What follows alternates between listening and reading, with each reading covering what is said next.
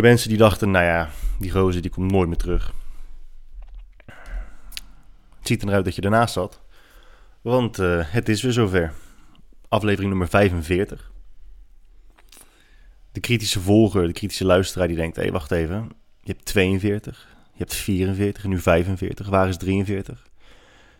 Nou, heel simpel. Als je meerdere van mijn afleveringen hebt geluisterd... dan uh, is je ongetwijfeld opgevallen... Het is je niet ontgaan dat ik 85% van de tijd niet weet welke aflevering het is. Elke keer als ik bij de intro start, denk ik: oh fuck, ik moet nog even opzoeken welke aflevering het was.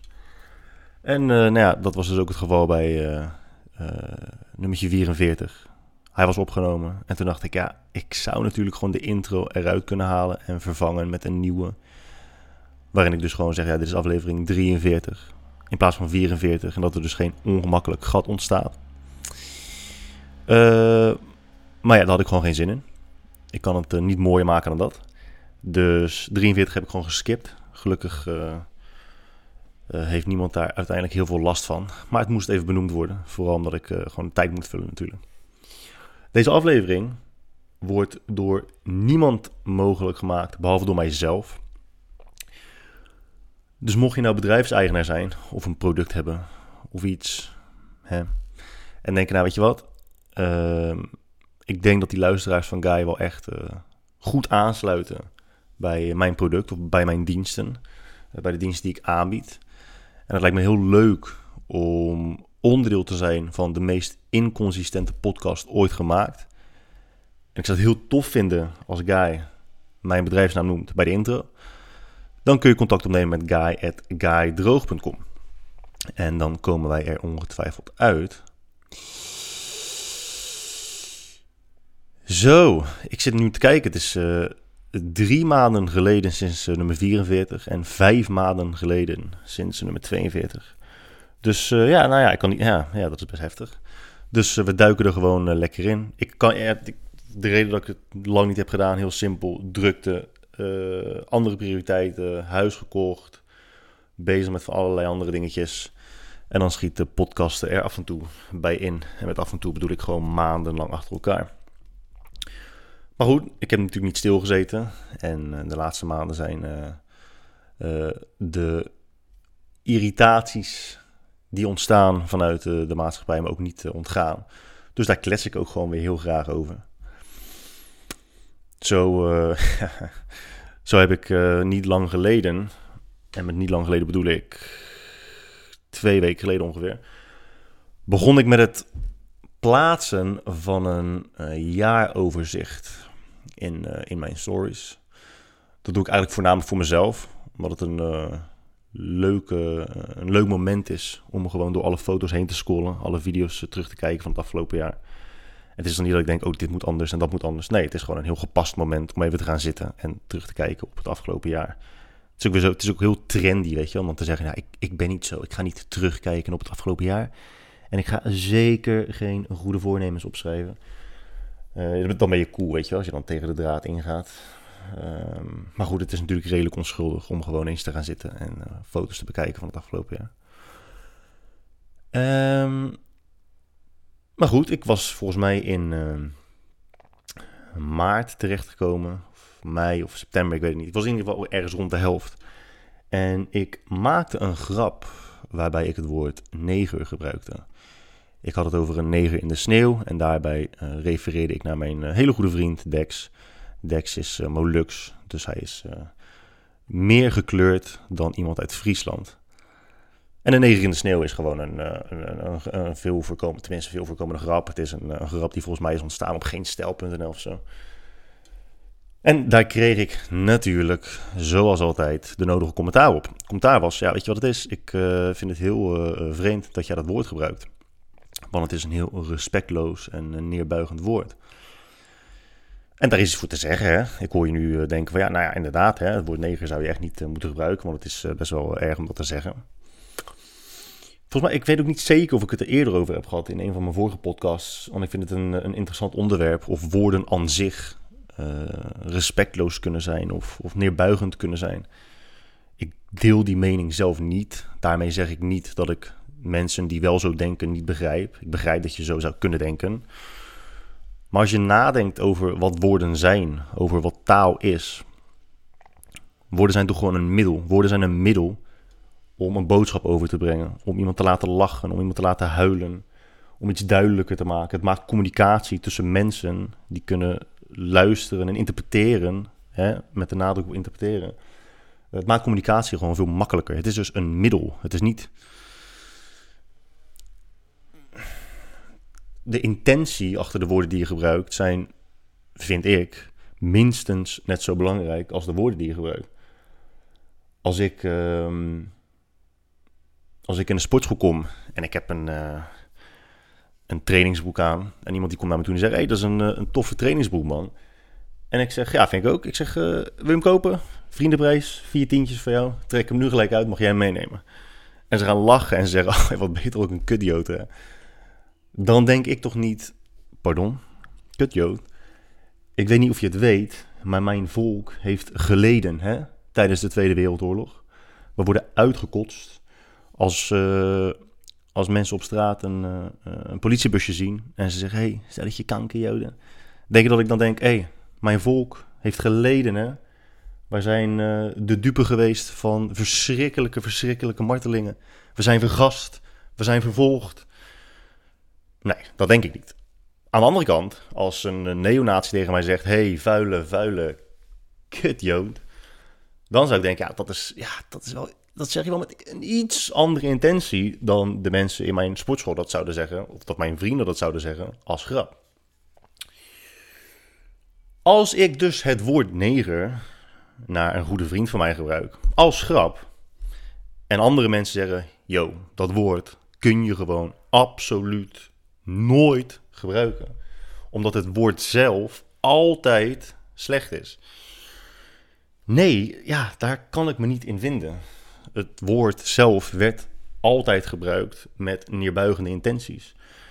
Die intentie zit er bij mij niet in. Het racisme zit er bij mij totaal totaal, totaal niet in. Dus dat mensen zich dan zo verschrikkelijk druk maken omdat iemand een bepaald woord gebruikt waar zij niet achter staan. Nou, daar kan ik me niet in vinden. En zeker niet als je met je goede gedrag um, hip-hop luistert. Als jij hip-hop luistert, in elk hip-hop nummer komt het woord nigger honderdduizend keer voor. Zet je dan ook altijd, oef, nou, oeh, dat, oh, ja, dat, dat woord zou ik niet gebruiken, grote vriend. Nee, want dan denk je gewoon, oh, hè, zij mogen dat onder elkaar, mogen dat wel zeggen. Hoezo? Het is toch exact hetzelfde woord? Het wordt toch niet... Als mensen van een bepaalde bevolkingsgroep, van een bepaalde cultuur onderling uh, bepaalde woorden gebruiken, bepaalde grappen maken, dan mag het. Hè? Want het is uh, joden onder elkaar, uh, donkere mensen onder elkaar, dan is het oké. Maar als iemand van een andere bevolkingsgroep het woord gebruikt, mag het opeens niet. Want dan is de aanname gelijk, oh dat is racisme, oh dat is slecht. Maar, maar dat, dat hoeft helemaal niet zo te zijn. En dan denk ik, ja, waarom maak je, waar, waar maak je nou zo druk om? Want het grappige is ook dat... uh, ik heb ook gewoon donkere vrienden. Uh, meer dan één. En dan is het grappig dat de enige mensen die er iets van zeggen, blanke mensen zijn. En dan denk ik, ja, gozer, er is helemaal niemand die hier nu meekijkt. Je hoeft niet op te komen voor, voor, voor het belang van anderen die zich er helemaal niets van aantrekken. Uh, ik zat dus ook laatst uh, dat, dingetje te kijken, uh, documentaire over Kevin Hart. En ja, het blijft zorgwekkend. Hier heb ik wel sowieso een keer iets over, over gezegd. Want ik weet nog dat ik toen had over Jim Carrey en Robin Williams. Um, Louis C.K., Dave Chappelle, Ricky Gervais. Allemaal comedianten die duidelijk aangeven dat wat humor betreft de wereld heel snel achteruit gaat. Je kunt nergens meer grap over maken. Je kunt niets meer zeggen zonder dat er wel iemand is die zich beledigd voelt, die op zijn teentjes is getrapt, die, zoals ik net al benoemde, op wil komen voor een zogenaamde uh, meerderheid, minderheid of een daadwerkelijke minderheid. Terwijl die minderheid er op dat moment helemaal geen last van heeft en er zich niks van aantrekt. Maar om jezelf een beter gevoel te geven, om aan de wereld en vooral aan jezelf te laten zien hoe goed je wel niet bent voor je medemens. Wil je er even, uh, even, even iets van zeggen? Maar bij de documentaire over Kevin Hart zie je het ook weer terugkomen. En het is, het is wel echt zorgwekkend hoor, dat hij dan dan, hij wil op een gegeven moment wordt hij uitgenodigd om de Oscars te hosten. En vervolgens worden zijn tweets van een jaar of zes of zeven geleden. misschien zit ik ernaast door met, met het aantal jaren, maar het ging in ieder geval om tweets uit het redelijk verre verleden. Waarbij hij dus grappen maakte over homoseksuelen. Grappen. En dat zijn mensen, dat zijn ook vaak mensen die hem gewoon grappig vinden. Totdat, en dat heb ik ook een keer specifiek benoemd. Mensen vinden comedianten of mensen in het algemeen grappig. Totdat ze iets zeggen wat uh, betrekking heeft op hun. Dus je kunt grappen maken, nogmaals, over allerlei bevolkingsgroepen. Je kunt, je kunt echt keiharde, keiharde, genadeloze grappen maken. Maar als je dan als homoseksueel in het publiek zit en hij maakt een grap over, jawel, homoseksuelen, dan is het opeens een lul, dan is hij opeens gevoelloos, dan moet hij opeens een excuses aanbieden. Um, zelfs uh, Terry Crews, die zegt op een gegeven moment ook van, uh, dat, dat, dat hij er echt niet achter stond. En hij zegt, ja, weet je wat het is? Je moet gewoon andermans pijn erkennen bij het gebruik van slechte woorden. Um, denk ik, oké, dat heb ik net ook gedaan. Hè? Ik, ik kan me heel goed voorstellen dat als je een bepaalde grap maakt, uh, dat er mensen zijn, zoals altijd, want dat is altijd het geval, dat er mensen zijn die zich aangesproken voelen en denken, ja, jeetje, weet je, ik vind dit wel echt, uh, ik, vind, ik vind dit niet kunnen. Nou, dan is internet natuurlijk perfect uh, voor jou als persoon om daar dan iets over te kunnen zeggen, want het maakt niet uit, je kunt altijd een publiek vinden die het met je eens is. Maar wat ik me dan afvraag is, waarom is de persoon die over het algemeen sowieso al snel beledigd is, waarom is zijn mening, wat hij of zij wil, zijn normen en waarden, waarom krijgen die altijd de hogere prioriteit dan bijvoorbeeld de comediant? Waarom is het gevoel van iemand die zich beledigd voelt altijd belangrijker dan van de andere persoon? En dan kun je zeggen, ja, omdat uh, je beledigd voelen is iets negatiefs. Dat is, niet, dat is iets niet wat. Dat is zo. Morgen. Dat is iets wat niet goed is. Iets dat je over het algemeen zou willen voorkomen. Nu heb jij dat veroorzaakt. En daarom moet zijn gevoel of haar gevoel de hogere prioriteit krijgen dan jouw gevoel. Ook dat is een mening die ik helaas niet kan delen. In dit geval Kevin Hart. Oké, Een van, de belang, een van de bekendste comedianten in de wereld. Een van de meest succesvolle comedianten in de wereld. Omdat hij over het algemeen door de meeste mensen als heel erg grappig wordt gezien. Het is zijn vak, het is zijn expertise om grappen te ontwikkelen. Om heel de dag bezig te zijn met grappen te ontwikkelen. Zodat jij uiteindelijk met je blije bek in het publiek kunt zitten en kunt gaan lachen. Het is dus voor hem in dit geval heel belangrijk om zijn vak uit te kunnen oefenen. Um, want als hij dat niet kan doen, als hij altijd zichzelf maar moet verontschuldigen voor iedereen die die beledigt in een wereld waarbij, waarin mensen sowieso al fucking snel beledigd zijn om alles, kan hij gewoon zijn werk niet doen. En moeten we dan zeggen, ja, ja, zijn werk doen is wel echt gewoon minder belangrijk dan uh, Jantje en Pietje en Kareltje, die zich om die specifieke rappen uh, uh, boos voelen. En dat lijkt erop dat het antwoord ja is. Je moet gewoon altijd, als je iemand beledigt, moet je je verontschuldigen. Ben je bekend, moet je dat ook nog eens openbaar doen. Uh, en het mooiste is dat hij op een gegeven moment, voor mij heeft hij op een gegeven moment een soort van zijn excuses aangeboden. Maar dan is dat natuurlijk ook weer niet goed genoeg. Want wat was het ook alweer? Uh, wat, dan ze verdraaien dingen altijd weer zo mooi. Uiteindelijk zei ze, nou weet je wat, het, het, het ging niet echt om je grap.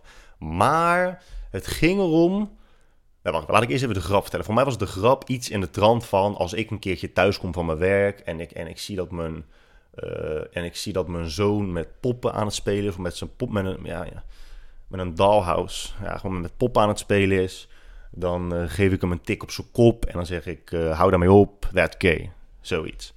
Ja, echt verschrikkelijk beledigend, want dan heb je natuurlijk weer hier en daar iemand die dan denkt, zo weet je wel niet hoe moeilijk wij het hebben gehad als, uh, als homoseksuelen om uh, geaccepteerd uh, te worden in deze maatschappij. En het echt lastig gehad. En in sommige landen worden we nog vervolgd. En oké okay, dude, ja, je hoeft niet gelijk zo fucking zwaar te maken. Maar goed, uiteindelijk ging het dus niet omdat hij zijn excuses moest aanbieden. uiteindelijk zeiden ze, ja, weet je, het ging erom dat. ehm, het ging er uiteindelijk om dat ze vonden dat door zoiets te zeggen. hij niet duidelijk tegen geweld was.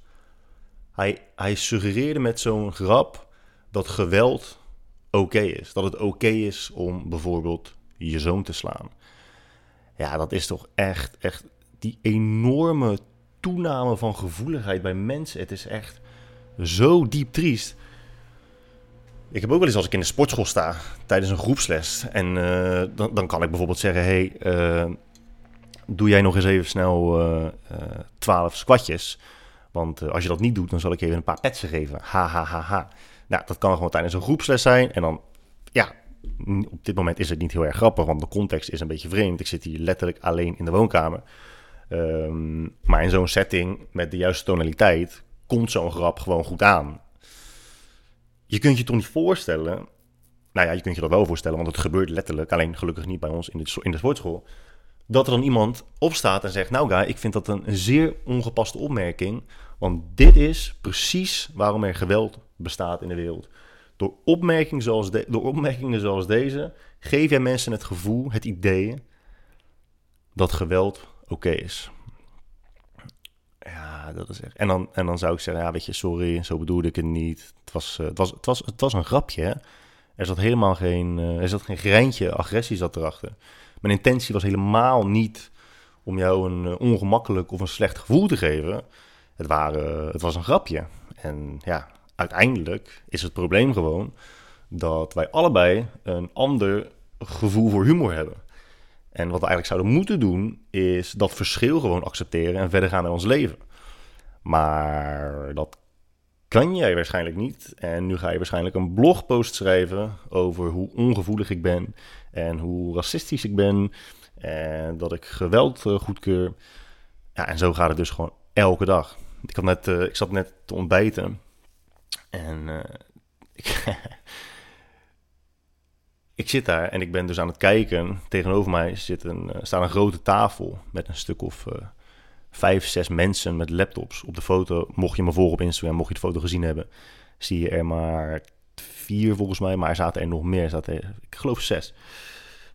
En ik zit gewoon lekker te eten, een kopje koffie te drinken en ik, en ik, ben naar hun, eh, na- naar drie, vier, vijf schermen, nee, vier schermen aan het kijken.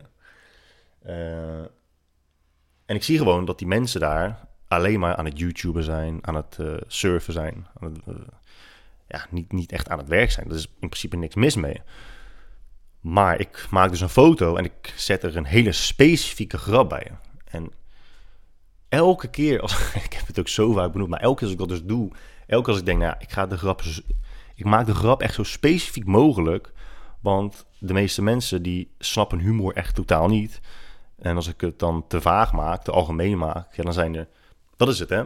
Als je een grap maakt of een opmerking maakt die te algemeen is, dan zijn er te veel uitzonderingen op die regel. En als er te veel uitzonderingen zijn, dan wordt de kans alleen maar groter dat meer mensen er iets van zeggen. Dus om jezelf een beetje in te dekken op Instagram kun je beter, denk ik altijd, de grap zo specifiek mogelijk maken. Want daarmee kader je heel duidelijk af over wie je de grap maakt. En daarmee creëer je dus, nou ja, wel heel veel uitzonderingen, maar die uitzonderingen zijn dus duidelijk de mensen waar je het niet over hebt. Denk ik altijd. Maar goed, ook dit was dus helaas. eh, ook dit keer sloeg ik eh, helaas. eh, deze keer sloeg ik helaas de pank mis. Want ik zei dus, en ik zal letterlijk citeren, omdat ik nog steeds de foto heb hier. Ik zeg de nachtmerrie van elke horecazaak. Hipsters die de hele dag onder het genot van één glas kraamaten komen bloggen en YouTuben om vervolgens op Instagram live en ondernemingscoaching te geven. Laten we deze zin eens ontleden. Nou ja, eh, de nachtmerrie van elke horecazaak spreekt voor zich. Daar bedoel ik gewoon mee dat de groep die ik zo meteen ga benoemen de nachtmerrie van elke horecazaak is. Oké, guy, dat is duidelijk. Welke groep bedoel je dan? Nou ja, ik bedoel hipsters die de hele dag, dus de hele dag, onder het genot van één glas kraanwater, dus mensen die er de hele dag zitten en slechts één glas kraanwater bestellen, en vervolgens alleen maar gaan zitten bloggen en YouTuben, hè? dus niet werken. Er staat niet en of werken. Er staat gewoon, die komen bloggen en YouTuben. Dus specifiek niet werken. Om vervolgens op Instagram live en ondernemingscoaching te geven. Terwijl ze daar eigenlijk, hè, dat impliceer ik, daar geen kaas van hebben gegeten. En dan denk je, ja, ja dit is inderdaad heel specifiek. Sommigen vonden het ook uh, redelijk grappig. Uh, anderen, zoals je nu wellicht uh, aan ziet komen, vonden het beledigend. Ik kreeg namelijk meerdere reacties van mensen die zeiden: Nou ja, ik weet niet hoor, maar er zijn ook gewoon mensen die daar zitten en werken. Dat begrijp ik, you fucking idiot. Ik zeg ook specifiek mensen die daar gaan zitten en alleen maar gaan zitten bloggen en YouTuben. Of gewoon gaan zitten surfen. Er was ook een gozer, die zat dus met zijn uh, laptop opengeklapt. En die zat met zijn telefoon op zijn toetsenbord. Zat hij alleen maar muziekvideo's te kijken en muziek te luisteren. Dat is niet erg. Dat mag je van mij gewoon doen. Ik sta ook helemaal niet in een positie om te oordelen over wat goed is of wat slecht is. Ik weet alleen, omdat ik mensen ken die horecazaken hebben dat ze dat niet heel erg prettig vinden als jij daar plek in beslag komt nemen en alleen maar een fucking glas water neemt. Of drie koffie, terwijl je daar acht uur lang zit. Dus als jij met je hoofd dan reageert op zo'n bericht en zegt, ja, maar er zijn ook gewoon mensen die daar wel gewoon komen werken. Of je zegt, ja, hallo, maar uh, sommige mensen die komen daar wel gewoon lunchen, die, die bestellen wel iets te eten. Ja, bro, over hun heb ik het ook niet. Dat is, het is toch ook helemaal niet grappig als ik zou zeggen... Ja, oh, de nachtmerrie van, uh, uh, van elke horecazaak. Ondernemers die daar gaan zitten met hun laptop... en daar gewoon acht uur lang netjes aan het werk zijn... zes cappuccino bestellen, daar lunchen... en wellicht misschien ook nog een avondeten daar nuttigen. Wat de fuck is daar... Dat is toch geen grap? Dat, dat slaat helemaal nergens op. Dat is dommer dan dat wordt het niet. Dus het enige wat jij doet als je zoiets zegt... als reactie op een grap ten eerste mis je gewoon de grap. En dat is al pretty fucking stupid als het echt een hele simpele grap is. Maar goed, ervan uitgaande dat je wel een halve hersencel hebt. Wat je dan vervolgens doet, is de uitzondering benoemen. Dat is. Dat is echt. Om maar weer terug te komen op, uh, op uh, verschillende bevolkingsgroepen en even lekker, lekker stereotyperen. Joden over het algemeen worden ze bestempeld als gierig, als geldwolven. Moet je eens, denken, moet je eens even bedenken dat ik in een, in een publiek zit ergens en er staat een stand-up comedian en die zegt, nou, een vriend van mij, uh, gierige Jood en we gingen, whatever. Hij maakt een grap over Joden en dat ze gierig zijn. En dat ik opsta en dat ik zeg, ja, hallo, er zijn ook wel Joden die niet gierig zijn hoor. Ja, en een hele grote groep mensen kan, kan, zich dat niet voorstellen dat ik dat zou doen. Dat überhaupt iemand dat zou doen. Maar online gebeurt dit echt elke, elke, elke dag. Bij elke grap die er gemaakt wordt. Door heel veel verschillende mensen. En ik ben nou, en ik, ik, ik, ik, ik ken niet eens veel volgers. Hè. Als ik een story plaats, wordt het gezien door zeg maar 3, 3.500 mensen. Laten we zeggen tussen de 2.500 en 3.500 mensen. En bij mij, ik heb dat al heel vaak, hè, dat, mensen, dat mensen op zo'n manier uh, reageren. Dus als je al geen grappen kunt maken, hele specifieke grappen kunt maken, je kunt geen woorden gebruiken. Uh, je moet je altijd verontschuldigen als je iemand uh, beledigt. Los wat ik net zei over Kevin Hart, dat je dus gewoon niet je vak kunt uitoefenen als je, als je dus niet vrij bent om bepaalde woorden te gebruiken. Je wordt ook gewoon echt letterlijk beperkt in je vrijheid van meningsuiting, in je vrijheid van, van, van spraak. Je bent vrij om gewoon dingen te zeggen. Maar dan zijn er dus altijd mensen die dan beledigd zijn. En wat ik net zei, hun gevoel is altijd belangrijker dan jouw gevoel. Jouw, jouw vrijheid van, van, van het gebruik van woorden is minder belangrijk dan het tijdelijk beledigende gevoel van, uh, van, een, van een bepaald persoon. En dat is wel echt de maatschappij waar we in leven. Hè? Je kunt wel zeggen, nou dat is niet waar, maar, maar dat is, is gewoon zo. Want je ziet het ook, wat ik zei, je ziet het voornamelijk bij, uh, bij uh, openbare figuren, bij, bij, bij bekende mensen. Die kunnen daar echt gewoon jarenlang last van hebben. En dat was ook bij Kevin Hart het geval. Mensen die jarenlang en nu nog steeds boos zijn, omdat hij dus tien jaar geleden een grap heeft gemaakt. En ja, de logische vervolgvraag vind ik dan is, ja, hoe lang kun je boos zijn om een grap? En dan heb je natuurlijk eh, de ene persoon die zegt, nou ja, zolang als dat nodig is, lekker verbitterd blijven, hè? Lekker, lekker blijven teren op dat gevoel van haat, omdat iemand die jou niet kent en het niet specifiek naar jou bedoelt en ook helemaal niets tegen uh, jou heeft of de groep waar jij jezelf toerekent. Um, maar gewoon lekker blijven, blijven voeden op die haat. Ik ging een punt maken, maar ik ben het door uh, lichtelijke irritatie ben ik het, uh, ben ik het kwijt. Um, ja, hoe lang kun je boos zijn om een grap? En van, vanaf, vanaf hoe lang mag je wel zeggen dat iemand zelf issues heeft? Dat is ook het grappige, hè? Tenminste, niet grappig, niet grappig als iemand twintig jaar lang verbitterd is door een scheiding of door een, uh, door een relatie die is uitgegaan, dan is de algemene consensus uh, is dan wel van ja, weet je, op een gegeven moment moet je er toch wel, wel overheen komen. Hè? Ik bedoel, je moet, life goes on. Life goes on, hoor je altijd, life goes on. It is what it is. Het is wat het is. Maar als het dus om uh, beledigd zijn gaat, mag je dat zo lang zijn als dat je wil. Zonder dat er mensen zijn die gewoon zeggen: Yo, move on. Ga nou gewoon door met je fucking leven. Wat ben je nou aan het doen, man? Heb je echt, hebben, we, hebben we echt zo weinig te doen dat we de tijd kunnen vinden om twee, vier, zes, acht, tien jaar lang gepikeerd, gepikeerd te zijn om, uh, door grap? Schijnbaar wel. Schijnbaar wel. En als je. Ehm, en als je dan toch geen woorden gebruikt, mag gebruiken. Ja, dan moeten we natuurlijk ook gewoon, uh, wat ik net ook al zei, moeten we hele hip-hop nummers moeten we gewoon gaan uh, omgooien. Dan krijg je opeens nummers van Notorious B.I.G.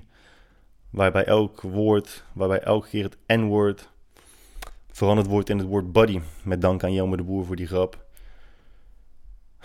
If you don't know, now you know, buddy. Ja, dat gaat natuurlijk ook helemaal nergens over. Uh, ja, het blijft een, blijft een lastig dingetje. Wat ik ook interessant vind is dat, dat uh, mensen die dan deze podcast luisteren, dan vaak reageren met: ja, ik, kan me echt vinden in, in wat je denkt en wat je zegt. En de manier waarop je naar problemen kijkt. En dan denk ik: ja, maar waar zijn jullie dan allemaal? in het echte leven bedoel ik, hè? Het is geen uh, slachtofferrol, zeer zeker niet, want ik heb wel goede vrienden en mensen waarmee ik kan levelen. Maar over het algemeen is het zo dat als je denkt zoals ik denk, dat je in veel situaties de uitzondering bent. En de uitzondering is helemaal niet positief, ook niet negatief. Uh, in dit geval eerder negatief dan positief, omdat je toch vaak uh, geïsoleerd bent in wat je denkt en uh, voelt en ziet en zegt. Nou ja, meestal zeg je daardoor niet, omdat je anders constant onnodige, onnodige discussies hebt. Maar dan denk ik altijd, ja, waar, waar zijn jullie dan?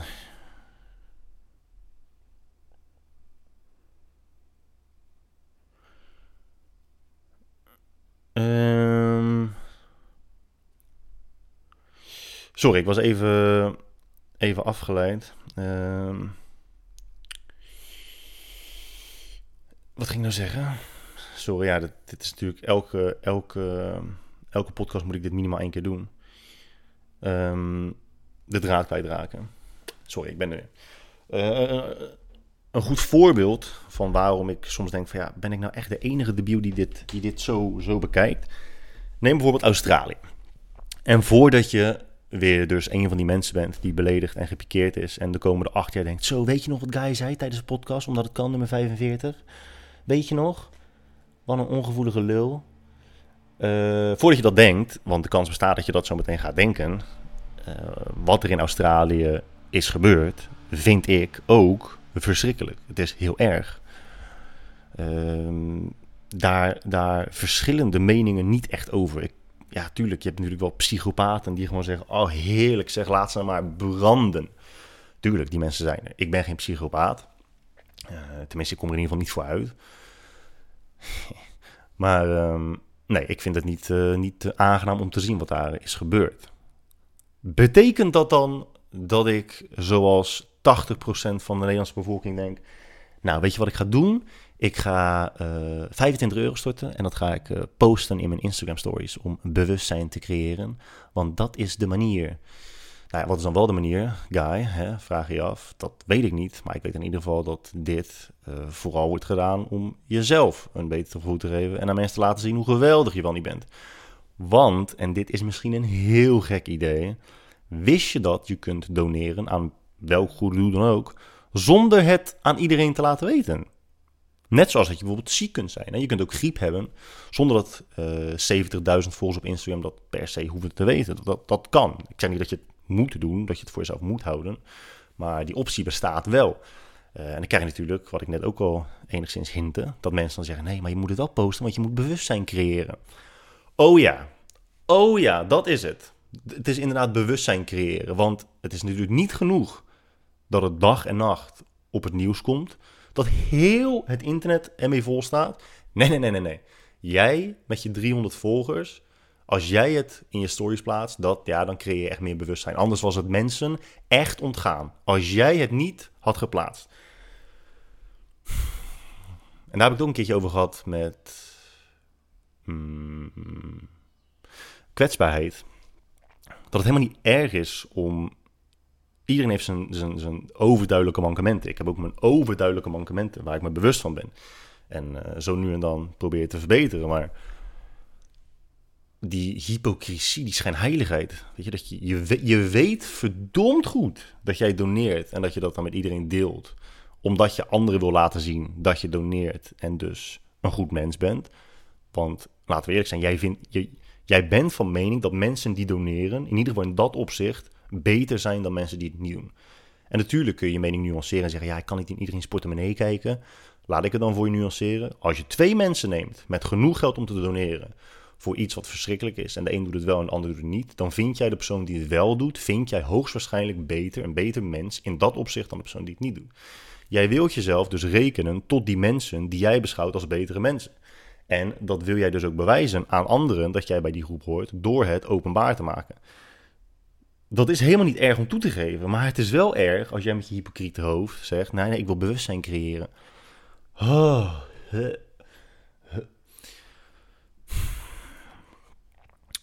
Maar het mooie, wat ik dus vind van, van Australië en, en, en dieren, tenminste niet het mooie, het, het, opvallende en waarom ik er dus voor mijn gevoel anders naar kijk dan de meeste mensen. Ten eerste is het zo dat de wereld al fucking 3 miljard jaar brandt. We hebben echt al 3 miljard jaar hebben we verschrikkelijke, verschrikkelijke, verschrikkelijke problemen. We hebben alles: ziekte, moord, uh, uitsterving van volledige uh, soorten en bevolkingsgroepen. En we hebben genocide. En we hebben, noem het maar op, natuurramp. Dat, dat is altijd al geweest. Altijd. Alleen als jij 400 jaar geleden in Nederland had gewoond en er gebeurde in Australië iets, dan wist je daar niks van. Als er dan een kind van zes verkracht en vermoord werd in Amerika, dan wist je daar niks van. Dus de problemen waar jij je bewust van was, hè, in het kader van bewustzijn creëren, die waren heel erg beperkt tot je directe sociale netwerk, tot je, tot je sociale cirkel en, en je, je, je iets bredere netwerk. Nu heb je alle problemen van heel de wereld constant bij je. Dus daardoor heb je het gevoel dat problemen eh, steeds erger worden. Uh, dat je overal maar bij, bij moet springen. Dat je overal maar moet helpen. Want oh, jij kunt de wereld redden. Alle kleine beetjes helpen. Het is ook zo mooi dat mensen geloven in de, in de uitspraak: alle kleine beetjes helpen. Maar als je tegen iemand zegt: ja, zou je dweilen met de kraan open? Zouden ze zeggen: nee, want dat is nutteloos. Ja, die twee kunnen niet samengaan. Je kunt niet denken: alle kleine beetjes helpen. Maar ook denken dat dweilen met de kraan open uh, nutteloos is. Dat kan niet. Dat kun je niet denken. Je kunt. Ik ga het niet weer herhalen, want ik val nu in de herhaling. Maar goed, terugkomend op Australië en, uh, en uh, de dieren. Het is sowieso waar dat mm, vrijwel alle dieren die ooit hebben geleefd al uitgestorven zijn. En dan bedoel ik gewoon 99,99% van alle diersoorten die ooit hebben geleefd, zijn er niet meer. Daar maak jij je, voor zover ik weet, niet heel erg druk om. Maar als het gaat om dieren die schattig zijn, is het een ander verhaal. Als, uh, en het, dit is een aanname, maar ik denk wel een veilige aanname. Als, uh, Als er brand ontstaat in eh, Mexico, bijvoorbeeld, en het nieuws staat vol met: Oh god, de Mexicaanse tarantula dreigt uit te sterven. Denk ik dat er misschien hier en daar een gothic op Instagram zegt: Oh mijn god, de tarantula sterft uit en het is mijn favoriete diersoort. Want kijk, ik stop hem in mijn mond en ik maak daar foto's van en ik, ben, ik, ben, ik kan mensen een creepy gevoel geven. Maar ik denk niet dat uh, een miljard mensen op Instagram zeggen: Oh mijn god, de Mexicaanse tarantula sterft uit. Nee, de meeste mensen denken: Oeh, nou laat ze lekker doodgaan. Vieze beesten, uh, eng, eng. Spinnen zijn eng, buh. Maar als het gaat om koalabeer, of hey, een pandabeer, niet dat pandaberen uitsterven in Australië. Uh, ik refereer gewoon even naar een willekeurig schattig dier, waarbij we ons uiterste best doen om hem in leven te houden. Ja, daar komen mensen wel voor op, daar staan mensen voor op. En dan heb je dus weer die hypocrisie. Uh, in dit geval is dat nee, ik ben gewoon tegen uitsterving, tegen het uitsterven van dieren. Je kunt ook niet zeggen, je bent of tegen het uitsterven van dieren. Nee, dat is niet helemaal waar. Dat is niet helemaal waar. Laat ik het anders zeggen. Je kunt dus, um, je kunt tegen het uitsterven van dieren zijn die jij schattig vindt of lief vindt of leuk vindt. Uh, maar dat maakt je niet beter dan mensen die zich daar gewoon helemaal niet mee bezighouden. Ik ben gek op dieren. Uh, ik ben geen vegetariër, geen veganist. Dat betekent niet dat ik niet gek kan zijn op dieren. In veel gevallen geef ik dieren uh, heel sterk de voorkeur boven mensen. Um, maar dat betekent niet dat ik me bewust constant inzet voor het redden van uh, allerlei diersoorten. En ook niet dieren die ik dus heel lief en schattig vind. Maar als jij je dus alleen maar inzet voor dieren die je leuk vindt, ja, dat maakt je niet heel veel beter dan mensen die zich daar helemaal niet voor inzetten. En als je echt tegen het uitsterven van dieren bent, dan moet je inzetten voor alle uitstervende diersoorten. Dus ook verschillende larves en andere beesten die je eigenlijk helemaal niet zo uh, smaakvol vindt. Uh, maar ja, pandaberen bijvoorbeeld. Pandaberen hebben helemaal geen functie. Die, die moeten kunstmatig worden voortgeplant, want ze weigeren zichzelf op een natuurlijke manier voor te planten. Uh, maar we moeten, ze, we moeten ze in leven houden. Waarom? Omdat er dus mensen zijn die zeggen: Oh mijn god, de pandabeer sterft uit. Hier moeten we iets aan doen. Dit kan niet. Dit kan niet. Ze kunnen niet uitsterven. Kijk hoe lief ze zijn. Ze zijn fucking useless. Je hebt, je hebt er echt helemaal niets aan.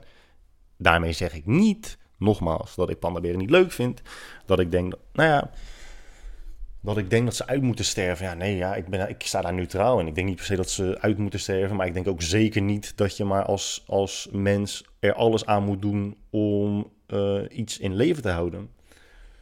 Daar is ook een vorige podcast een keertje over gegaan. Van op, wel, op welk punt is een mensenleven geen mensenleven meer? Als jij in een, in een uh, afgesloten inrichting zit.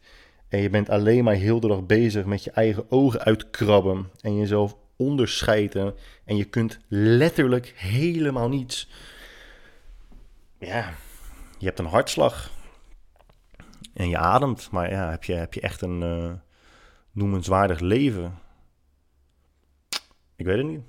En nee, voordat je nogmaals een onjuiste conclusie trekt, daarmee zeg ik niet dat al die mensen het recht niet op leven hebben en dat ze het leven ontnomen moeten worden. Het is alleen maar gewoon een open uh, ethische vraag. Dat is, uh, dat is wat het is. maar goed, fris je dus niet dat de wereld altijd, altijd al verschrikkelijk problemen heeft gehad. Hè? Vroeger, uh, als, de, als de pest uitbrak of als er een uh, griepje uitbrak, stierven er gewoon 3 miljoen mensen. En nu, ja, nu krijgen 15 mensen last van hooikoorts en er wordt weer alarm geslagen. Bewustzijn creëren. Weet je, ik hoop wel dat. Um, Elon Musk is natuurlijk bezig met. Uh, met uh, reizen naar. Sorry, ik was even. uh, met reizen naar Mars. Tenminste, hij wil Mars koloniseren.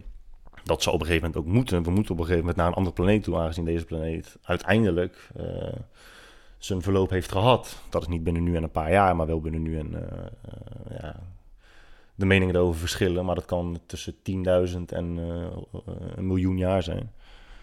Dan hoop ik dat Elon Musk wel koala's meeneemt. Want anders is dat zonde van jou 50 euro. Dus laten we hopen dat hij daar ruimte voor overlaat.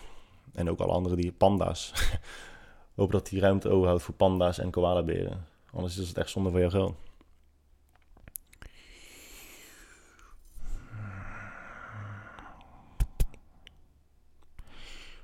Ja. Ik las ook uh, iemand... Waar las ik dat nou? Godverdamme, ben ik even stuk. ben aan het nadenken wat ik nou... Dat is ook weer zo dubbel, hè? Iemand zei... Oh ja, ik weet het weer. Ik weet niet meer of het op Instagram was of een artikel of, of een interview. Maar iemand zei van... Uh, dat ze het... Dat ze de... Ja, dat was het. Dat ze de gedachte dat hun, uh, hun voorouders vanuit de hemel meekijken op aarde en zien wat voor rotzooi we ervan hebben gemaakt. Dat ze die gedachte heel beangstigend vonden. nou, daarmee maak ik niet het hiernamaals belachelijk als jij wilt geloven dat jouw voorouders meekijken en denken, oh wat ben je goed bezig, oh ik ben zo trots op je. Nou, prima. Maar het is de, de, de selectiviteit, de, de, mensen kiezen op hele specifieke momenten om dat te geloven. Dus op zo'n moment, weet je, het gaat slecht met de aarde. Dan zeggen ze op tv zo, nou, weet je, echt erg. Mijn oma die kijkt dan mee vanuit de hemel. Ik weet zeker dat ze dat echt zo verschrikkelijk vindt wat, wat hier allemaal gebeurt. Terwijl zij in een, terwijl zij in een veel slechtere tijd leefde dan jij. Maar goed, dat terzijde. Uh, ze vindt het verschrikkelijk om te zien wat er nu met de aarde gebeurt. Maar dan denk ik, hallo gozer, uh, denk je dat de oma-koren opeens niet meekijkt als jij door je vrouw wordt geneukt met een voorbinddildo? Op dat moment kijkt ze dan toch ook mee? Of kijkt ze alleen op sommige momenten mee dat het jou uitkomt? En soms sluit ze haar ogen om vervolgens niet mee te kijken. Of laat jij zo een perfect bestaan dat ze nooit zou kunnen denken... Nou, zou je die gram wel je neus op, uh, hè, David? Ik weet niet of je dat uh, kan doen. Ja, vond ik een raar argument. Ik dacht, ja, dat is, dat is heel raar. Mensen die refereren naar uh, meekijkende overleden mensen vanuit het hiernamaals, kijken ze dan altijd of kijken ze gewoon soms? En als ze dan altijd meekijken, moet je dan niet zorgen maken om de dingen die jij uh, achter, gesloten deur, achter gesloten deuren doet. En weten ze net zoals God ook alles wat je denkt. Want als iemand alles weet wat jij denkt, nou, dat is ook wel beangstigend hoor. Dat is also beangstigend. Life is all about balance. Oh, ja, ja, ja.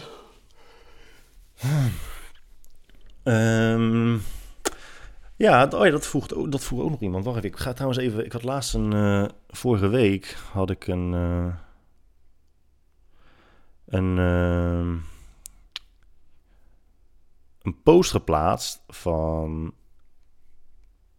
Laat even weten waar je wil dat ik het over heb tijdens mijn podcast. Dus die ga ik even bijpakken. Want volgens mij stonden daar wel een toffe, uh, paar toffe dingetjes tussen. Dat ik dacht, oh, dat is wel leuk om het daarover te hebben. Het eerste was dat iemand opeens vroeg aan mij... Tenminste, opeens. Iemand vroeg niet opeens. Want mensen vragen nu de hele tijd van... Ja, oh, ben je nu, uh, ben je nu ook juwelier? En dat is dan de ene keer meer sarcastisch en neerbuigend dan de andere keer. Uh, soms is het ook gewoon een, een serieuze vraag. Maar waar kan ik nou die stomme... Waar kan ik hem nou vinden? Dat is natuurlijk weer heel lang... Oh ja. Ah ja, oké. uh, laat ik eerst beginnen met, uh, met uh, mijn nieuwe werkzaamheden. ik ben sowieso altijd wel van het ondernemen geweest. En met ondernemen bedoel ik gewoon dat ik, graag, dat ik graag meerdere dingen doe. ik vind het belangrijk om op die manier geprikkeld te blijven worden. En niet het risico nemen dat verveling snel toeslaat. En ja, ik ben me ervan bewust dat je maar 100% focus hebt. En dat je dan je focus moet verdelen. En dat het niet altijd even goed is om drie verschillende ondernemingen 33% aandacht te geven in plaats van één onderneming 100%. Daar ben ik me van bewust. Maar die keuzes uh, die maak ik uh, bewust en doordacht. En in DT Diamonds uh, is, een, is, een, is het bedrijf van een vriend van mij. Een Israëlische diamantair. En hij doet het al heel erg lang. En ik ken hem al nou, vrijwel heel mijn leven.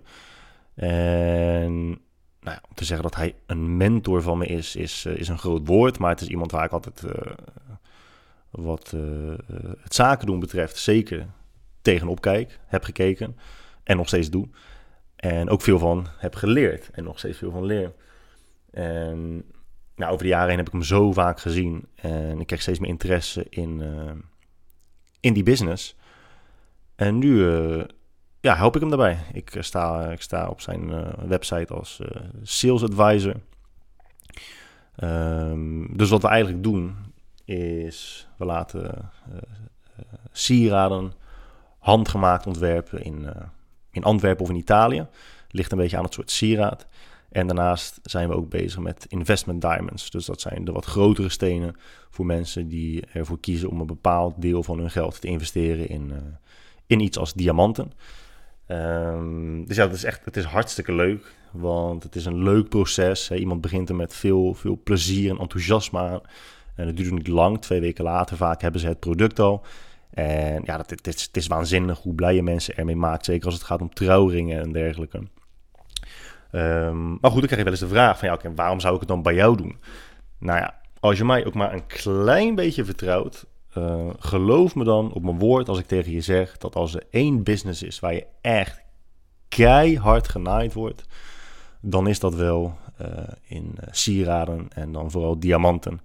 Omdat de meeste mensen hebben er gewoon helemaal, helemaal geen verstand van. En dat is niet erg, omdat je er meestal niet heel vaak mee bezig bent. Tenzij je echt een liefde hebt voor, voor sieraden, voor juwelen, voor stenen. Koop je het vaak maar één, misschien twee en hoogstens vijf keer in je leven. Vaak krijg je het ook nog als cadeau. Um, dus het is heel normaal dat jij niet precies weet op basis waarvan je steden moet selecteren. Uh, wat een beetje schappelijke prijzen zijn. En geloof mij dan als ik tegen je zeg dat als jij naar de winkel gaat, als jij gewoon naar een, naar een diamantair gaat, naar een juwelier gaat, dan betaal je hoogstwaarschijnlijk tussen de 20 en 40 procent te veel. Makkelijk, soms wel meer. Als jij naar een Diamond Point gaat in de Bijenkorf, dan word je echt, dan wordt het geld echt zo, zo hard door je neus geboord. Uh, maar ook in dit vak hè, zijn er gewoon mensen die dan zeggen: Ja, maar luister, ik uh, vind het gewoon heel erg prettig als ik bijvoorbeeld naar Schaap Citroen ga en ik kom daar binnen en ik krijg een bakje koffie en ik ga even lekker zitten en ik word in de watten gelegd. Nou, daar betaal ik graag wel 40% extra voor. Ja, ja prima, weet je, dat, dat, dat kan. Um, en nu gaat het bijna als reclame klinken, maar dat is, uh, dat is niet het geval. Alleen bij ons, ja, je krijgt alles alles handgemaakt. Stenen worden met de hand gezet. Um, en je betaalt, je betaalt gewoon echt veel, veel, veel minder. En op basis van je budget en je wensen kun je ook nog eens heel specifiek de kwaliteit van de stenen kiezen. Uh, aangezien wij op basis van elke opdracht de stenen voor jou gaan shoppen. Dus uh, daar hou ik me nu ook mee bezig. Ook echt hartstikke leuk. En natuurlijk gewoon nog steeds ook fulltime bezig met, uh, met fitness en onze opleiding. Nu over de jaren heen zie je wel wat de valkuilen zijn als het gaat om onze opleiding. Het is heel erg moeilijk, en ik weet niet of ik het ooit al een keertje heb gezegd, maar het is heel moeilijk om professionals ervan te overtuigen dat ze tijdelijk 20 stappen terug moeten zetten om de basis te perfectioneren. Uh, je ziet echt heel duidelijk in de praktijk dat mensen die langer dan een jaar doen er blindelings van uitgaan dat ze het allemaal wel al kunnen. Nee joh, ik kan echt wel squatten. Nee, je kan echt wel deadlift. Oh, deadlift, ja makkelijk man. Gewoon staan, rug hol trekken, uh, schintjes tegen de bar, haplucht, spanning op de buik, spanning op de buik en hop, opstaan. Ja, we hebben het al vaker gehad over uh, cognitieve dissonantie, maar dat, ja, dat is hier natuurlijk ook gewoon heel erg ter sprake. Als ik nu hier zit, het is, heel menselijk, heel normaal, heel natuurlijk ook. Het gebeurt ook gewoon direct, vrijwel automatisch. Dus als ik hier zit en zeg, er zijn heel veel professionals in de fitnessindustrie die de basis veel, veel, veel minder goed onder de knie hebben dan dat ze denken. En die zouden ontzettend veel baat hebben bij onze opleiding. En als jij dat dan hoort en je bent fitnessprofessional, dan, wat ik net zeg, het gebeurt vrijwel direct, volledig automatisch en meestal onbewust, dat je dan denkt, ja oké, maar dat geldt niet voor mij. Want ik weet dat wel. Um, we doen het nu vier jaar. En dat betekent dat we ongeveer, nou, wat zal het zijn, vijf, 500 mensen of zo over de vloer hebben gehad. Er waren er misschien een handvol in totaal, waarvan ik zou denken, nou ja, die hebben er iets minder uitgehaald dan de rest. Uh, die hebben, nog steeds heeft iedereen er iets uitgehaald, maar die hebben misschien iets, iets minder uitgehaald dan de rest, omdat hun voorkennis echt al zodanig goed was Um, dat, ze, dat ze qua niveau voorliepen op de rest van de groep. Maar bijna iedereen, ook gewoon professionals die het al vijf of tien jaar doen, ja, daarbij zie je gewoon dat, dat als je ervan, uitgaan, ervan uitgaat dat de basis redelijk simpel is, relatief simpel is, en je bent dat je bent dat uh, niveau voorbij, je bent die, die fase in je carrière gepasseerd, dan heb je heel weinig reden om daarnaar terug te gaan. Om te denken, oh, weet je wat? Ik ben nu heel veel bezig met allerlei, tussen aanhalingstekens, functionele bewegingen. Ik doe dit en ik doe dat en ik moet mijn marketing goed doen en zus en zo. Dan is er heel weinig reden om te zeggen, weet je wat, ik ga eens even kijken naar gewoon mijn barbell squat of naar mijn deadlift of naar mijn split squat. Kijken wat ik daar goed en fout doe en hoe ik die uh, oefeningen beter aan kan leren. Ik kan coachen en waar kan het precies misgaan en waar ligt dat aan? Nou, dat zie je heel weinig, dat zie je echt heel weinig. En om mensen daar dus van te overtuigen dat ze daar misschien wel baat bij zouden kunnen hebben, is, uh, is lastig. Het is niet per se arrogantie. Hè? Ik dacht in, in, in het begin, de eerste twee jaar zo, dacht ik ja, heel veel personal trainers zijn wellicht gewoon wat arrogant. Die denken dat ze veel beter zijn dan, dan, dan, dan de rest.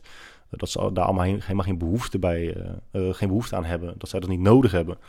Maar ik ben nu wel achter dat het redelijk automatisch gaat. Wat ik net ook zei. Je hoort het gewoon en je denkt gewoon automatisch, onbewust. Nee, dat, dit, dit geldt niet voor mij. Ik ben hier al voorbij.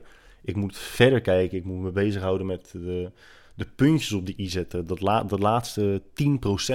Alles de optimalisatie. Maar die eerste 80, 90% van, uh, van de basis, die, ja, die rammelt nogal heel veel mensen. Uh, maar goed, daar zijn we ook nog steeds veel mee bezig. En dat is echt hartstikke, hartstikke leuk. Uh,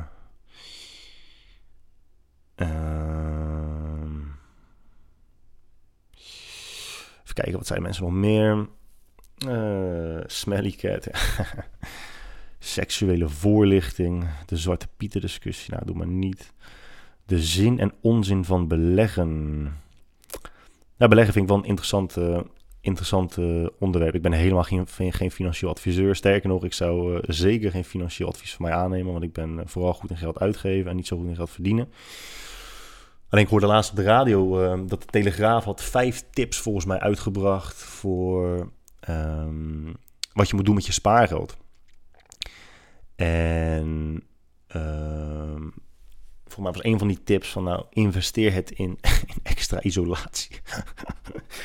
Investeer in extra isolatie van je woning of je bedrijf, volgens mij. Even, serieus. Alsof de gemiddelde Hollander thuis zit op de bank en die hoort dat en denkt: Oh ja, nou, dat is een goeie. Weet je wat ik doe? Die 30.000 euro die ik heb gespaard, ja, ik ga dat investeren in die extra isolatie voor mijn huis. Ik snap best wel dat het de waarde van je huis uh, laat stijgen hoor. Maar als je denkt dat uh, de gemiddelde persoon daar positief op reageert, nou, dan ja, misschien ja, misschien begrijp ik het niet goed. Maar nou, beleggen kwam er ook in voor. Iemand zei, ja, beleg het. Uh, bijvoorbeeld de AEX heeft het afgelopen jaar is 25% gestegen of zo. Mocht je niet weten wat de AEX is. De AEX is een, is, is een index van uh, Nederlandse bedrijven. En als je daar dus in investeert, dan koop je eigenlijk uh, hele, hele, hele, hele kleine hoeveelheden aandelen van de top, wat zal het zijn, 50, 100, 150 bedrijven van Nederland. ik zit er waarschijnlijk naast hoor met de hoeveelheid bedrijven die het is. Het is ook niet zo heel relevant. Uh, dus heb je bijvoorbeeld uh, de Dow Jones, dan koop je, uh, heb je misschien wel eens gehoord, de S&P 500, dat is index van Amerikaanse bedrijven. Dan koop je een heel klein deel van de top 500 bedrijven uit Amerika. Um, dus dan wat je eigenlijk doet, is je gokt op de economie van een bepaald land. Als de, de, als de, als de S&P 500 het in, in Amerika slecht doet, dan gaat het over het algemeen gewoon heel slecht met, met de Amerikaanse economie. En in Nederland, Nederland is dat dus het geval bij de AEX. Uh, maar toen zei dus de vrouw op de radio, en oh god, over de, op de radio kom ik zo meteen nog even kort terug. Die zei dus, nou, dat beleggen vind ik maar eng hoor. En dat, dat is het wel, hè. Dat is wel echt uh, uh, belangrijk om te benadrukken. Dat beleggen wordt als heel eng beschouwd door mensen. Terwijl het zo verschrikkelijk simpel is. Het is zo simpel. Bijna alle banken in Nederland bieden jou gewoon de mogelijkheid om via de bank te beleggen. Uh, bijvoorbeeld bij de Rabobank, ik heb de Rabobank, daar open je gewoon een extra beleggersrekening. En dan kun je heel simpel vanuit de Rabo-app kun je gewoon uh, direct vanaf je rekening geld storten en daarmee aandelen kopen. Uh, specifieke aandelen kopen zou ik zeker niet doen. Zeker niet als je bijvoorbeeld dagelijks Financieel Dagblad leest en heel erg bezig bent met wat er allemaal in de Nederlandse economie gebeurt. Eh, je kunt beter, vind ik, als je er niet heel erg mee bezighoudt en gewoon passief wilt beleggen, kun je beter in een index investeren. En het beste wat je kunt doen, en daar gaat het dus vaak mis, is denken, nou, hoeveel geld wil ik sparen? En als je dus begint met beleggen, zeker als je in belegt uh, of investeert in een index, dan is het raadzaam om altijd zeer lange termijn te denken. Als jij denkt, nou, ik wil even een jaartje sparen, zou ik het 100% zeker niet doen. Omdat ja, je ziet je geld net zo snel achteruit gaan als vooruit. En dat is precies de reden dat beleggen uh, en investeren in het algemeen niet weg is gelegd voor de meeste mensen. Omdat de meeste mensen heel obsessief gaan kijken naar wat er met hun geld gebeurt. En dan storten ze bijvoorbeeld 100 euro. En de dag daarna kijken ze weer en dan zien ze 98 euro staan. denken ze, hey, ho even, ik ben in één dag tijd ben ik 2 euro verloren. Ik kap ermee, ik trek mijn geld eruit. Um, en het kan natuurlijk nog veel erger zijn. Je kan je, van je 100 euro kun je 100 euro. Je kunt van je 100 euro. God, nu kan ik het woord niet meer zeggen zonder te denken. 100 euro, 5 euro. Um, je kunt van het bedrag dat je hebt ingelegd, kun je natuurlijk op een gegeven moment 10, 20, 30, 40 procent kwijtraken. En denken, ja, nou weet je, ik kan het nu niet langer voor, ik moet het nu verkopen. Um, daarom is het gewoon heel belangrijk dat je dat doet voor 10, 15, 20 jaar. Het is een uh, leuk spaarpotje voor je pensioen. Uh, de kans dat je op de hele lange termijn geen winst pakt, uh, is heel erg klein. Tenzij de wereldeconomie of de Nederlandse economie gewoon instort en ingestort blijft, werkt werken alle markten in, in cycli. Hè? Dus je, je, hebt de cyclus omhoog, de cyclus omlaag, de cyclus omhoog, de cyclus omlaag. Dat is altijd. Ook in vastgoed zie je dat. Je ziet dat in de goudprijs, in de diamantprijzen, in alle prijzen, alle markten zie je dat. En de, de laagste punten worden steeds hoger en de hoogste punten worden ook steeds hoger. Dus uh, ja, dat, is, uh, dat vond ik interessant. Maar de zin en onzin van, van beleggen, ja, beleggen is sowieso geen onzin. En zeker wel wel slim om te doen als je geld wil sparen voor de, voor de lange termijn. Ja. Ja, ja, ja, ja, ja, ja, ja. Um, ik denk. Um, ik denk dat ik uh, het hierbij ga, laten. Uh, er, waren nog, ja, er zijn nog heel veel dingetjes hoor. Maar ik ben er nu alweer even, even, klaar mee. Ik moet er even inkomen. Het is nog steeds niet makkelijk om een uur vol te praten. Maar volgens mij is het me wel bijna gelukt. Dus ja, enerzijds denk ik, nou ja, zal dit uh, bevredigend zijn na vijf, zes maanden radiostilte. Anderzijds denk ik, ja, ja. wellicht dat de volgende beter is. Misschien moeten we de volgende keer hebben over uh, de, de, derde wereldoorlog. Dat is ook zo mooi. Daar ga, ik mee af, daar ga ik mee afsluiten. Dat is ook het bewijs dat het in Nederland zo goed gaat. We hebben zoveel tijd. We hebben zoveel vrije tijd om ons zorgen te maken over van alles en nog wat. Waaronder um, de woorden die mensen gebruiken online. Oh, oh, oh, oh, oh, wat moeten we ons daarvoor inzetten? Maar ook dus uh, inderdaad de derde wereldoorlog. Dan zie je dat dan gebeurt er iets in Iran. En dan met name mensen in West-Europa houden zich dan bezig met... Uh, met de derde wereldoorlog. Geen idee hebben wat er nou precies gebeurt. Maar die zien gewoon ergens een krantenkop staan van... Is this gonna be World War 3? En dan zie je de Nederlanders weer uh, vol paniek in de trein zitten van... Ja, het komt, het komt. Nostradamus zei het al. Hij zei het al. Oh mijn god. Ik had ook aan mensen gevraagd in uh, het Midden-Oosten en in Amerika van... Hey, hoe zit het bij jullie? Zijn, jullie, uh, zijn ze uh, bij jullie daar ook net zo bezig met de derde wereldoorlog als ze dat in, in Nederland doen? En iedereen keek me aan van... En ik bedoel niet dat ik het aan één persoon heb gevraagd. Ik heb het aan meerdere mensen gevraagd. En ik dacht, nee, nee, we denken hier niet dat de derde wereldoorlog ieder moment kan uitbarsten. Daarmee zeg ik niet dat de derde... Zie hoe irritant het is dat ik alles, godverdomme, moet nuanceren... omdat er anders een risico bestaat dat er weer een of andere pipo is die het verkeerd begrijpt. Daarmee zeg ik niet dat ik zeg, oh, een derde wereldoorlog, nee, die gaat nooit komen. Dat zeg ik niet. Ik zeg alleen maar dat als er in een land gebeurt waarbij mensen niet echt hele erge problemen hebben, vergeleken met de rest van de wereld, um, dat, ze, dat ze eerder geneigd zijn om zulke doemgedachten te hebben. Dus uh, nee, ja, nee, ik denk ook niet dat er een derde wereldoorlog uh, om de hoek staat.